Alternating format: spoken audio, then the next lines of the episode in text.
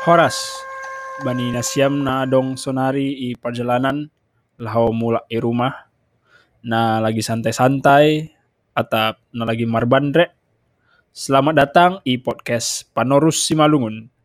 Anggulang hita i senari.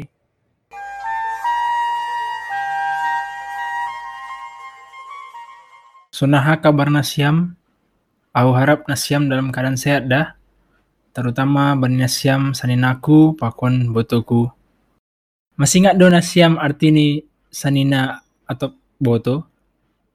Sehari nari aku jelaskan otik. Jadi pada episode sebelum ini dikenalkan pada kita suatu konsep yaitu partuturan. Singkatnya, partuturan menjelaskan relasi kita bani halak di sekitar kita. Sanina adalah satu tutur yang menggambarkan hubungan saudara antara kita yang semarga dan berjenis kelamin sama. Melainkan boto adalah tutur yang menjelaskan hubungan saudara antara kita yang semarga dan berlawanan jenis kelamin. Misal nih ahu. Botoku ialah saudariku perempuan yang memiliki marga saragi. Atau perempuan tersebut kita katakan boru saragi. I episode Natoluon, aku mengenalkan dua lagi tutur isi malungun. Langsung saja kita bahas. Nah pertama yakni pariban. Tutur pariban ini menjelaskan relasi hita dengan halak lawan jenis hita di mana hita perlu mengetahui boru dari mama dari pihak laki-laki di suatu relasi. Lalu jika hita adalah pihak laki-lakinya misalnya, maka perempuan yang bertutur pariban dengan hita ialah si dia na memiliki boru na sama dengan boru mama hita. Untuk pihak perempuan, maka laki-laki yang bertutur pariban dengan pihak perempuan itu ialah si dia yang memiliki mama dengan boru yang sama dengan hita. Ya, jadi inti ini boru ni mama yang menentukan. Biar mudah dipahami, ambil au sebagai contoh. Au laki-laki na bermarga saragi. Jadi aku pihak laki-lakinya. Mamaku boru purba. Jadi bagiku paribanku ialah perempuan yang memiliki marga purba atau simpelnya disebut boru purba. Untuk nasiam perempuan, kita ambil adikku perempuan boru saragi sebagai contoh. Bagi adikku, paribannya ialah laki-laki yang memiliki mama dengan boru purba. Simple kan? Tutur pariban ini punya keunikan di mana dalam budaya Simalungun, jika Hita bertutur pariban dengan sepupu kandung Hita, Hita dapat menikahi sepupu Hita itu.